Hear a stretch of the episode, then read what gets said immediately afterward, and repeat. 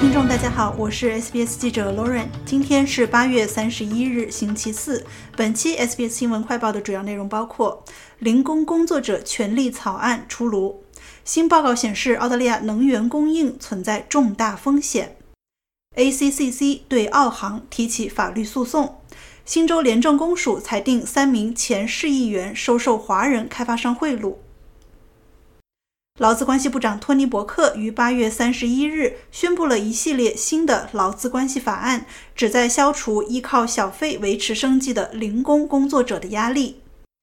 伯克部长详细介绍了四项拟议的改革，其中包括填补允许工资盗窃的漏洞、终结永久性的临时工和劳务雇佣形式，以及改善零工工作者的权利。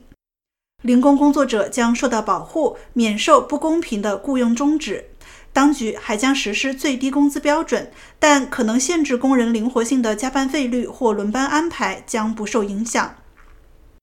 伯克在全国新闻俱乐部表示，拼车司机和送餐骑手是将受到新法律影响的数千名零工从业者之一。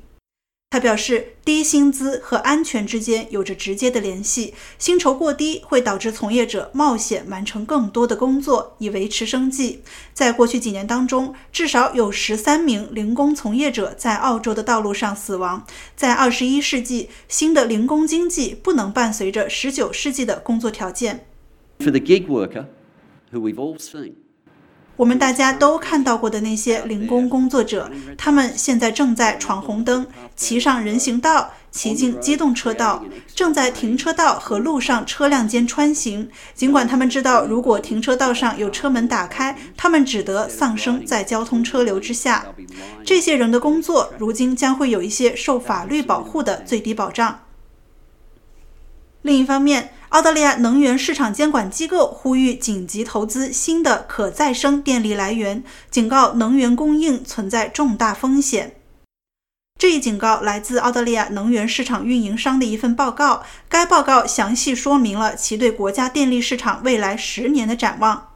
报告强调，澳大利亚迫切需要新的投资，以应对燃煤发电站的逐步淘汰和电力需求的同步增长，并提高输电能力。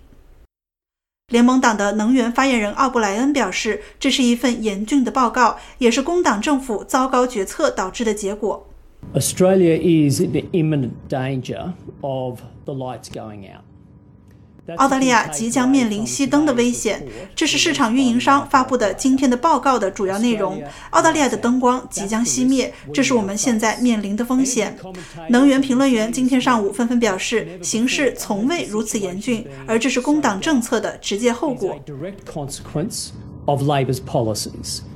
能源部长克里斯·鲍文则表示，该声明强调了政府已经完成的工作。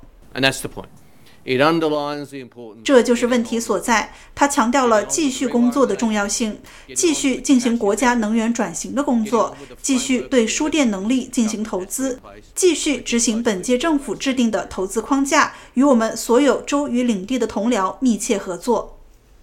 澳大利亚竞争与消费者委员会 （ACCC） 对澳航 Qantas 提起了法律诉讼，指控澳航在八千个航班取消后仍继续售卖机票。